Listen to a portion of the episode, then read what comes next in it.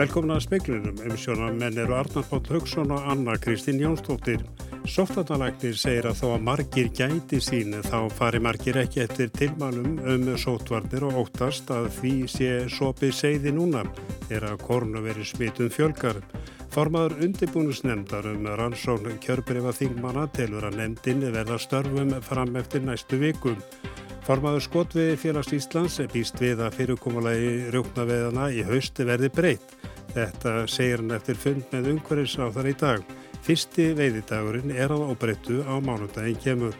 Mismunandi leiðir í átt að kólefnis hlutleysi eru teknar upp í skýslu sem að Ísland skilaði til loftlarsamlings saminuð þjóðan í dag.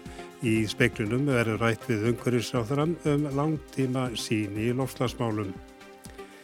Illa hefur gengið að fá fólk til að fara eftir þeim reglum sem settar að verið um sótvarnir, þetta segir Þóraldur Guðnarsson, sótvarnalegnir. Hann býður almenning að gæta sín, forðast fjölminni og nota grímur þar sem þröngt er. Við höfum séð það margu ofta að leið og aflettingar eru viðhafðar að þá fer bylgjan upp aftur. Nú ég hafi lagt það til í mínu langtíma spá að við myndum reyna að hafa einhverjar takmarkan alltaf við líði í gangi til þess að reyna að halda þessu svona í því horfi sem við viljum hafa það með þá einhvern takmarkunum og, og það er greinlega mjög erfitt að framfylgja því eða, og uh, ég held að á, og þetta sko, komum bara með ákall til almenningsum að byggja fólkum að virkilega núna passa sig og það vita allir hvað þarf að gera forðast fjölmenni, sérstaklega það sem að fólk þekkist ekki nota grímur í aðstæðum það sem að fólk getur ekki við eftir eins með þetta reglu og bara hennilega fara mjög varlega og það vita allir hvað það er. Þórúlu segir að það sé almenningur sem eigi erfitt með að fara eftir reglum sem er í gildum, sótvarnir og samkominntakmarkanir. Þetta eru mjög margir sem passa sér mjög vel en það er líka mjög margir sem að slaka á uh, miklu meira heldur en jafnveg reglur, reglur segja til um og ég held að það sé það sem við erum að súpa segja það núna. Þetta var Þórólu Guðnarsson og Kristín Siguradóttir tók saman Þrettastofa tók fólk tala í dag og kannaði hug þeirra til fjölgunar smita og viðbræða við því. Flestir segja sætta sig við hertaraðgerir eða þó að það væri leiðilegt. Smitum hefur fjölgað og það er talað um að herða sóttvarnaðgerðir. Hvernig líst þér á það? Bara vel sko. Mér finnst bara svo lengi sem við séum að gera eitthvað í þessu og, og við séum að halda fjallega því. Það er þetta alltaf. Það er ekkert ónum þreytt á þessu? og maður er alltaf verið svona smá þurftur á þessu en þetta er svo sem alltaf lægi. En þú, hvert er þitt við þór? Mér finnst alveg rétt að gera þetta en það verður ekki skemmtilegt ef við förum í fjarnám eða eitthvað þannig. Það verður ekki skemmtilegt, þá getur maður ekki farið neitt, gert neitt skemmtilegt. Já, bara sama sko. Það umvel að leðilegt. Við erum með bólusett en ég er bara mótið. En færir eftir þeim ef svo er þið? Sjálfsög getum ekki annað, við hlýðum í því. Ég er allavega að koma með grímuna, þannig að það er bara mín skilabóð að fara valega. Ég væri ekkert á móti grímuskildu aftur en, en eitthvað mikið meirinn það væri frekar leðilegt. En ég myndi sætta mig við grímuskildu. Þetta voru þau Björn Bóði Björnsson, Yngveldur Jónsdóttir, Nína Rakeli Svavarsdóttir, Svavar Þór Guðmusson, Elisabeth Kristjánsdóttir og Birgir Orri Arason og það var Anna Lilja Þórisdóttir sem að talaði við þau. Birgir Ármarsson formar undirbúningsnefndar um rannsóknu kjörbriða þingmana telur að hún verða störfum fram eftir næstu vikum. Forsættis ráð þeirra hefur sagt að ólíklegt sé að ný ríkistjórn og nýri stjórnarsáttmála verði kynnt fyrir þing verður en fyrir en þing verður kalla saman og það verði ekki fyrir en að niðurstaðir fenginum talningum í norðvestu kjörðami og kjörbrif þingmana. Kærufrestur rennur út á morgun þannig að því áætlaði allavega viku í viðbútt. E, mér finnst það svona sennilegt eins og staðin er núna. Þannig að e, við sjáum til hvernig okkur vinst svona fyrirpart næstu viku en e, það er auðvitað ljóst að, að úrvinnsla er, e, það tölver úrvinnsla eftir sko þannig að við eigum eftir, við eigum eftir all nokkra fundi. Hvað hafa margar kærur borist?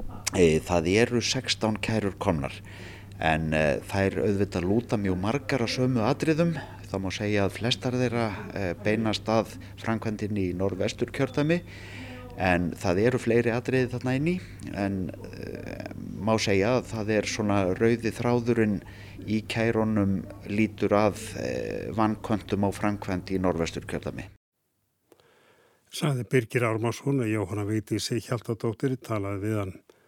Formaður skotviði félags Íslands óttast að fyrirkomulagi rjúpnaveið að verði breyta á þessu veiði tíðanbilli. Unguris að það er að kynnti í morgun okkra leiði til þess en hefur ekki enn byrt ákvörðun sína. Sankvæmt tilögum ungurisstofnar verður heimilt að veiða 20.000 rjúpur sem myndi þýðum fjóra rúpur á hvern veiðimann. Rjúpum fækkaðum all land frá því fyrra og nú er áallega rjúpnastofnin séum 248.000 fugglar. Mér finnst mjög mikla líkur á því að vera eitthvað gert en ákvaða hátt að verðu það er náttúrulega ráð þeirra sem ákveðu það. Þetta er náttúrulega ofbóðslega seint í rassingripið og, og náttúrulega við fengum bara frétta þessu, við fengum náttúrulega viður á þessu föstudaginn síðasta og á mándaginn þá jóks, e, óks hérna sko ásmegin það þeir sem voru að ringi í okkur. Þannig að við sendum tölvupóst og spurum hvað er í gangi og þá fengum við tölvupóstum að ráðandið óska eftir frekari tilugum frá umhverfstofnun. Þetta var Áki Ármann Jónsson án að tala við hann síðar í speiklinum. Fulltrúar stærstu óljufyrirtækja bandaríkjana sitja nú eið svarnir undir spurningum eftirlistnemnda fulltrúadeildar bandaríkja þings. Nemndin sakar fyrirtækinum að hafa leint en yðurstöðum yfir 40 ára gamla rannsóknum áhrif notkunar jarðefna elsnitis á umhverfið. Fyrir nefndinni sitja aðstu stjórnendur ExxonMobil, BP America, Chevron og Shell. Demokrater hafa sakað hæstráðendur í ólíu yðnaðinum um að gera lítið sem ekkert í baráttunum gegn lofslagsbreytingum. Þeir þykist vera fylgjandi hertum reglum en þegar eigi að setja þær berjist þeir af öllum lífs- og sálarkröftum gegn þeim og haldi umfangsmikilli framleiðslu áfram. Nemndin heldur því fram að rannsóknir fyrirtækjana árið 1977 síni fram á skadleg áhrif notkunnar jarðefnaeldsneitis en að ákveð hafi verið að halda þeim lindum. Fyrirtækin hafi því í raun dreift raungum upplýsingum um skaðsemi framleyslu sinnar. ExxonMobil hefur þegar neitað þessum ásökunum. Gretchen Watkins, forstjóri Shell, satt fundin í dag. At Shell we believe climate change is a, is a real challenge that's facing the world. Um, við hjá sjálf trúum við að loftslagsbreytingar séu raunveruleg áskorun fyrir heiminn og við ætlum að halda áfram að taka þátt í framleiðslu á umhverjusvætni orkugjöfum, saði Watkins í dag. Yfir heislunum hefur verið líkt við það þegar stjórnendur tópaksfyrirtækja í bandaríkunum komi fyrir þingnemnd árið 1994 og viðurkendu að reykingar gætu verið skadlegar. Dagni Hulda Erlendstóttir er saði frá. Vestfyrir eru efst á lista yfir svæði til að heimsækja árið 2022 í árlegu vali ferðabóka útgefendans Lonely Planet yfir lönd, svæði og borgir til að heimsækja. Á hverju ári velja ferðarrið töfundar, bloggarar og starfsfólk ferðarmiðlsins Lonely Planet áfangastað sem þykir skara fram úr. Díana Jóhannsdóttir, verkefnastjóri Vestfjörðarstofu, segir þetta mikla viðurkenningu og heiður. Þetta hefur þetta bara gríðarlega mikla þýðingu fyrir ferðarþjónustu á Vestfjörðum og fyrir ferðarþjónustu á Íslandi. Af því að það byrstist engin ferðarmáður beintinn á Vestfjörði. Þeir þurfu allir að koma fyrst til Íslands og fara hérna um. Nú er hérna þessar fréttatilkynningar að rúla um heiminn og við erum svona strax farin að fá símtölu fyrirspurnir hérna frá miðlum sem hafa áhuga að fjalla meira um Vestfjörði. Díena segir að vestfyrir séu nokkuð vel í stakk búnir til að taka við fleiri ferðamönnum. Vissulega þarf að vera meiri uppbygging í innviðum uh, og okkur vantar fleiri gistir í minn á svæðið. Þannig að við erum líka svolítið að horfa til þess að þetta gæti verið ákveðin kveikja fyrir því að fá meiri fjárfestingu inn í ferðarþjónustu á svæðinu. Þá sé viðkenning sem þessi til þess fallin að skapa störfa á vestfjörðum, styrkja byggðina og dreifa ferðamönnum landfræðilega og yfir árið. Já, ég held að það gerir það. Allt svona hjálpar til. Við höfum nú þegar náð gríðalegum árangri í dreifingu yfir árið. Það er ekki svo langt síðan að ferðarþjónustu tímubilið á vestfjörðum var rétt svo tveir mánuðir. Núna er það árið þannig að það er bara tölvert að gera langt inn í veturinn og við eigum ennþá sóknarfæri fyrra vorin og inn í veturinn. Því að veturinn er líka alveg einstöku upplifun og er ekki eins óáreðanlegu margir vilja að halda. Þannig þeir eru bara nokkuð ánað með þetta? Við erum bara mjög ánað. Sagði Díana Jóhannsdóttir Bjarni Rúnarsson tók saman. Íslenska kvennalandsliði í fótbolta dróst í riðli með Frakland, Ítali og Belgiu í lokakefni Európumótsins sem framfyrir á Englandi næsta sömar. Og alla reyðla, reyðlana fjóra í lokakefninni má sjá á rú.is. Hver er framtíðarsýn stjórnvalda í loftslagsmálum? Eins og alþjóð veit þá hefst fundur saminuðu þjóðana um loftslagsmál um helgina í Skotlandi. Mikið um þau fjallaði aðdragandanum og í síðustu viku var tala við formann loftslagsráðs hér í speglunum. Hann lísti vonbreiðum vegna þess ekki lægi fyrir langtíma sín Íslands. Hingaði komin Guðmundur Ingi Guðbrandsson um hverfis og öðlindar áþra til að fara yfir þessi mál. Kondi sæl. Sælverði. Það var nú byrt núna síðdeis lang tíma stefna um minni útblástur, mörguð leið til kólefnis hlutleysis. Guðmundur, Ingi, þannig eru já, dregna saman kannski svona fyrir ákvarðanir og stefnum mótum. Hvað er nýtt í þessu plaggi sem byrt var í dag? Já, maður lóka kannski fyrst að segja að Ísland er eitt af um, 30 til 35 ríkjum af 200 sem er búið að skila þessu inn og um, það sem að við erum í raunin að segja um heiminum í þessari skýslu er kannski fernt. Það er í fyrsta legi að við erum komið núna með okkar fyrstu stefnum aðlögun á loslasbreytingum sem að koma út núna í september. Við erum búin að herða markmiðin okkar upp í 55% með Noregi og Europasambandinu. Eh, við erum búin að auka framlög til þróunaraðstóðar eh, um 70% núna á tveimur árum og svo í fjörðalegi þá er það í rauninni þessi skýsla sem að eh, er að segja, er að færa þær fréttir að Ísland hefur lögfest markmiðum kólefnislutlis árið 2040. Við erum eitt af 11 ríkjum sem að höfum gert það, er að segja lögfesta slíkt markmið. Þannig að þetta er í rauninni tíðindin.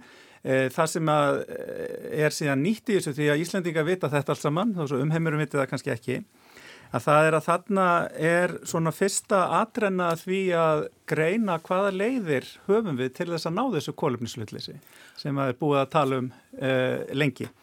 Og það byggir þá, erum við að horfa þarna til ákveðina sviðsmynda sem eru unnar að sérfræðingum við Háskóla Íslands og Háskólan í Reykjavík og þeir byggja sína vinnu á uh, vinnu félagsvínsutastofnunar sem að kallaði til samráðs með þýði úr þjóskrá og þá hefur verið að byggja á þeim hugmyndum sem að fólk kom þar með hvaða aðgerða ætti að, ætti að grípa til.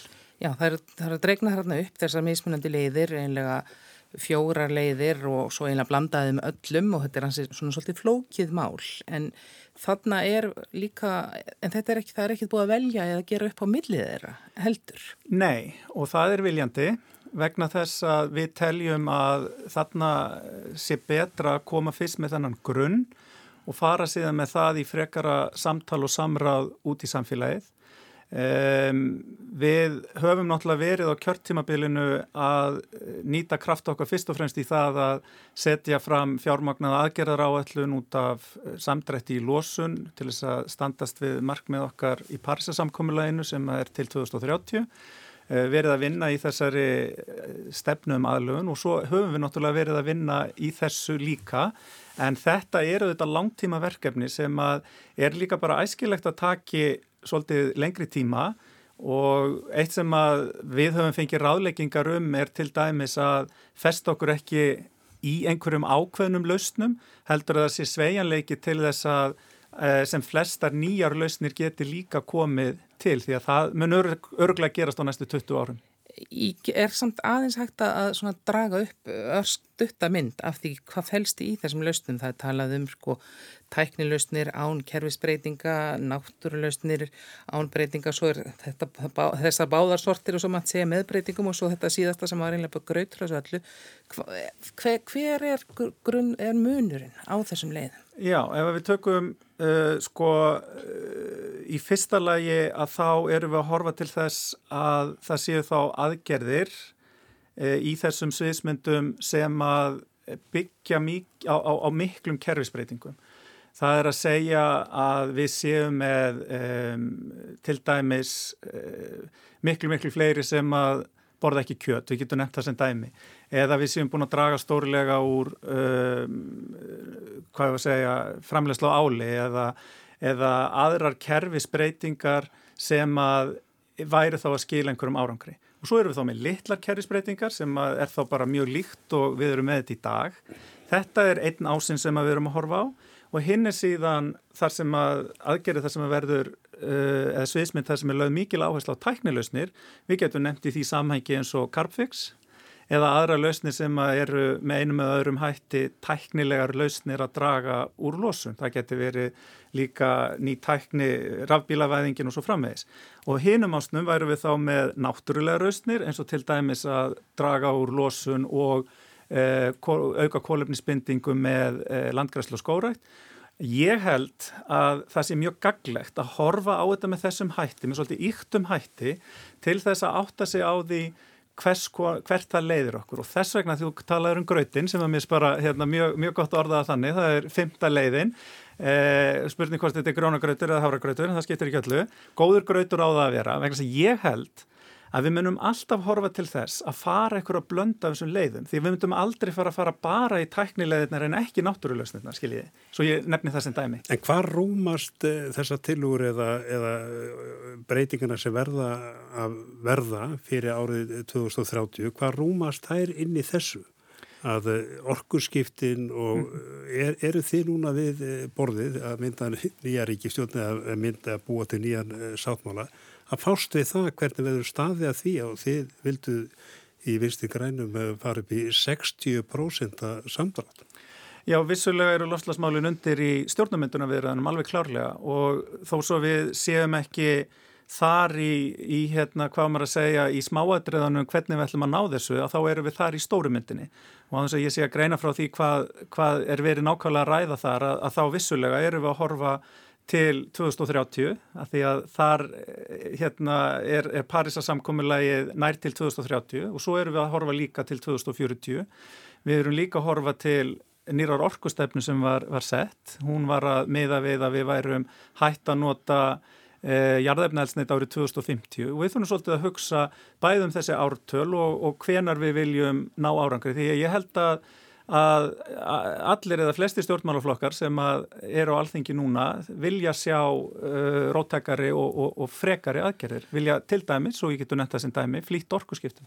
En það er náttúrulega hlutast að því þannig er verið að reyna að horfa til langstíma en um leið þá er kannski ekki, hún er ekki mjög skörp sínin nákvæmlega á það hvernig leiðin, veist, markmiðið er, er, er þarna inni en, en, en leiðin að því er bara ennþá ekki fengin en er ekki samt gerð krafa til þess eins og Arnaball að vist til að það verið mörguð ákveðnari skref og þá svona innan gæðslega bægt að herma upp á menn því söðust ætla að gera þetta og þetta og þetta og þetta og við þurfum að vita það og fylgjast með hvort þið gera það. Já, sko samningurinn gerir ekki kröfur um akkurat þetta fyrir eh, fyrir kólefnislutleysi og flest ríkjar að horfa kólefnislutleysi 2050 að jafnvel setna.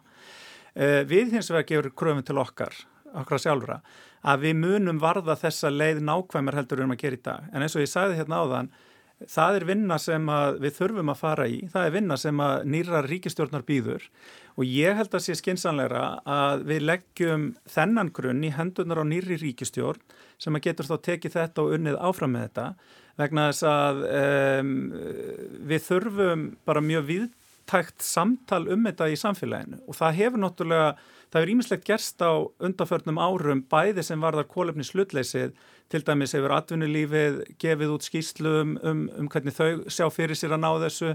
Uh, við höfum núna lagt þetta fram. En auðvitað eru mikilvægastu skilabóðin þau að við erum búin að lögfesta þetta markmið Þannig að Ísland er búið að segja þessu ætlum við að ná fyrir árið 2040.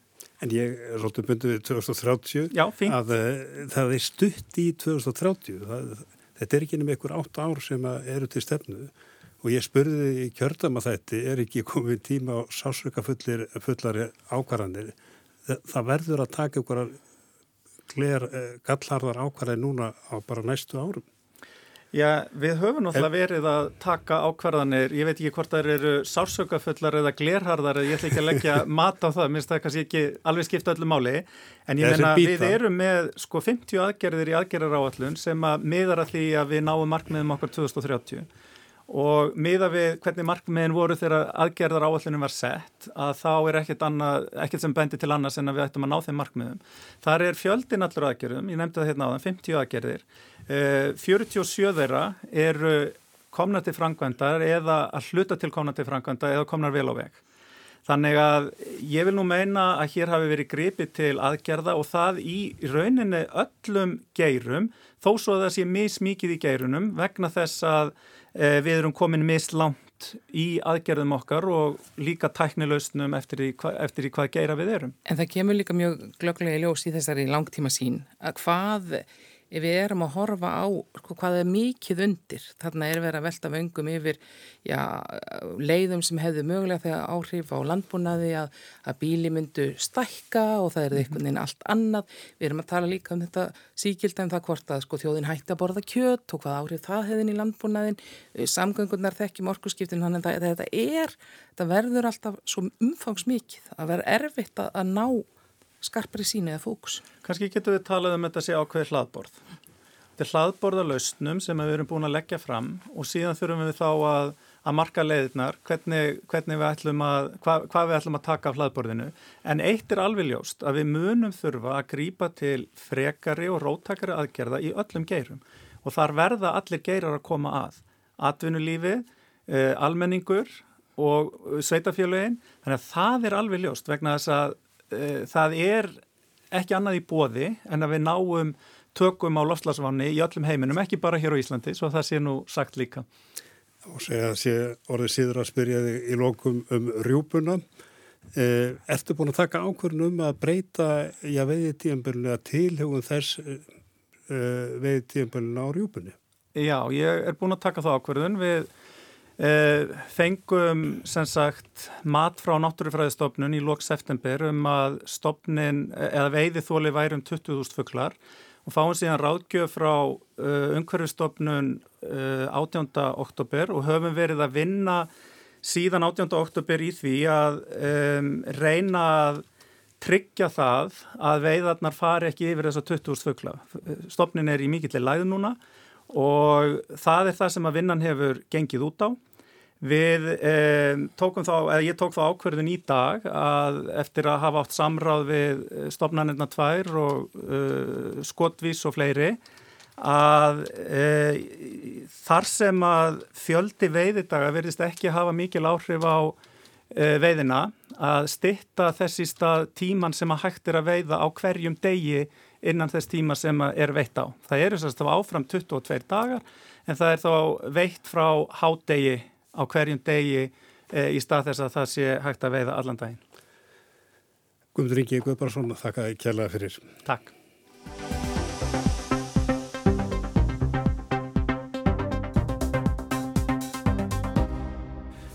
Og við reyndar höldum áfram að fjalla um rjúpuna.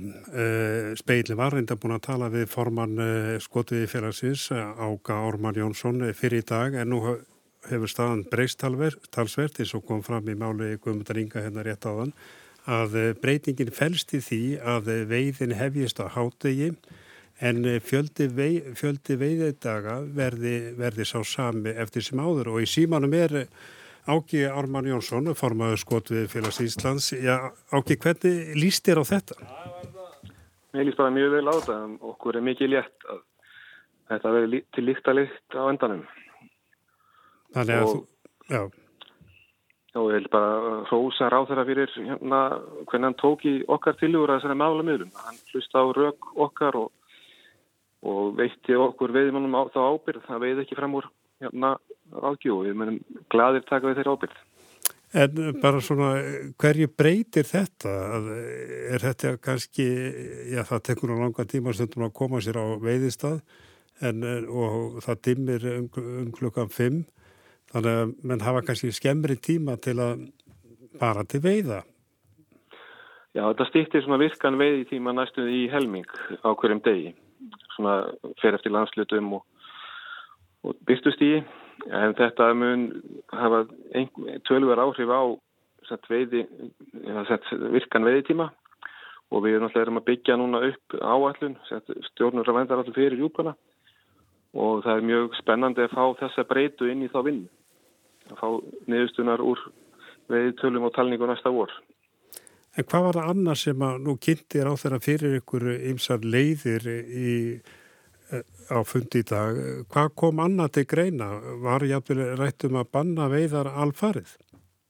Það var allt upp á borðinu í dag og bara farið í gegnum hérna alla sviðsmyndir sem hægt var að setja upp og, og það var reyndar náttúrulega enginn sem var einhvað fullkominn að, að listi algjörlega vandamálið en, en við lögðum til þessa málamílun því að þá hefur þetta sem minnst áhrif á flesta veiðmenn menn það er kannski búin að panta gistingu og, og stefna saman fólki erlendis frá til að koma í veiði og þá höldum við þessum dögum en mingum þá bara virka veiði tíman í staðin og ég hef líka fulla trú á því að með kvartningar átæki sem við ætlum að fara í gang með einhvers svona þá munir menn dra, bæði dragur veiðum og líka þeir sem að þurfi ekki nöðsilega að fara til veiða að þeir þá bara hætti við og kvílir rjúpan þetta árið.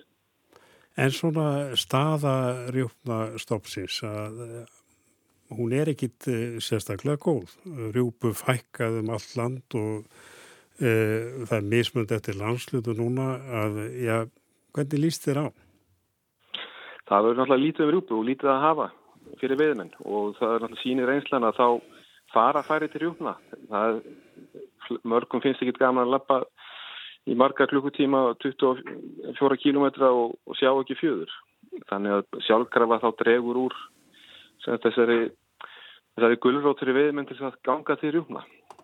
En ert þú björnsinn á það að rjúpan rétt úr kútnum? Staðan er þannig að stopnin er sveiflukendur en sveiflunar upp á við verða alltaf já, lægri og lægri og lægri.